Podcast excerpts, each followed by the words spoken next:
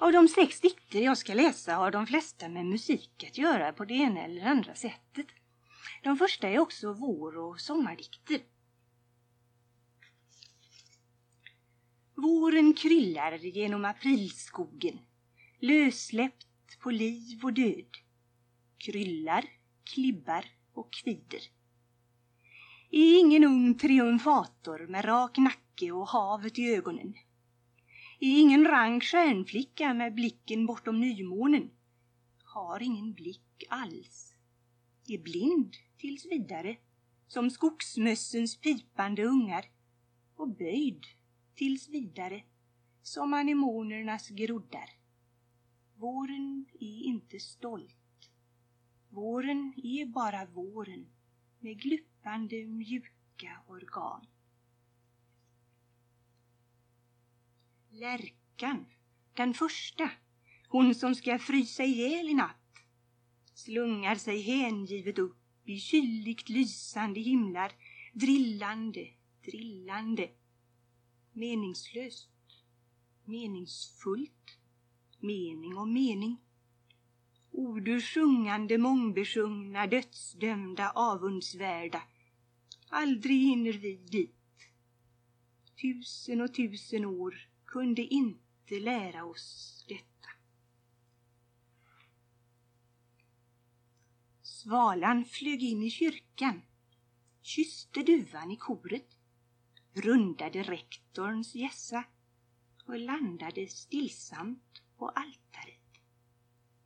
Och sannerligen, sannerligen kunde hon inte kvittra första versen på salmen 474. Då skrattade alla skolbarn och tyckte att Gud var skojig som tillät sig detta pojkstreck mitt på examensdagen.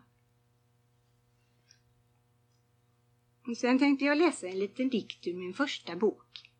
Jag kallade den här dikten för sonatin.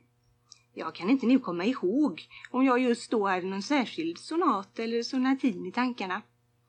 Men jag tänkte mig nog förstås att det måste vara antingen Mozart, Beethoven eller Schubert som spelades i dikten.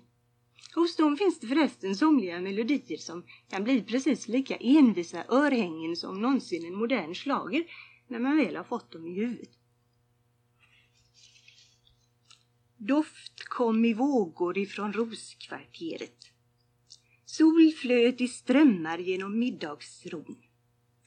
Och violinens samtal med klaveret var fritt från varje smärtsam underton. Motivet flög i höjden som en svala och hettan kunde inte stämma ner den mest bekymmerslösa cedurskala som någonsin har spelats på klaver. Men plötsligt kom en skymningsmättad kåre. Då slutade klaver och violin, andante grazioso con amore, sin sommarljusa, korta sonatin.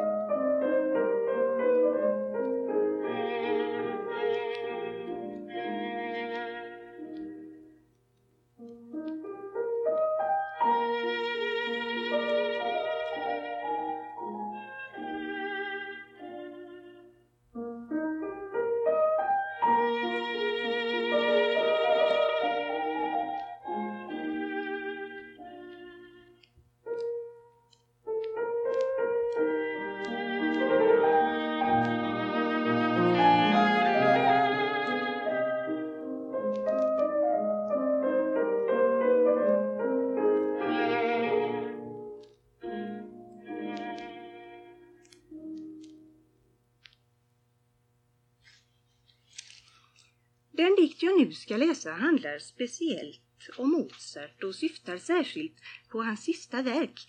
Ni minns kanske att han dog redan vid 35 års ålder. Ja, jag tänker inte på hans rekviem utan på andra ting, pianokonserter och sonater och sådant. Svävningen mellan lek och sakrament. Sommardagen som skrattande omfamnar evigheten. Dessa yra serafer denna dansande frid. Dessa kretsar av ljus som vidgar sig, vidgar sig, vidgar sig. Varifrån minns vi detta? Eller minns att vi minns? Varför fråga och fråga? Han visste det, visste det, visste det. Wolfgang älskad av Gud på randen av fattiggraven.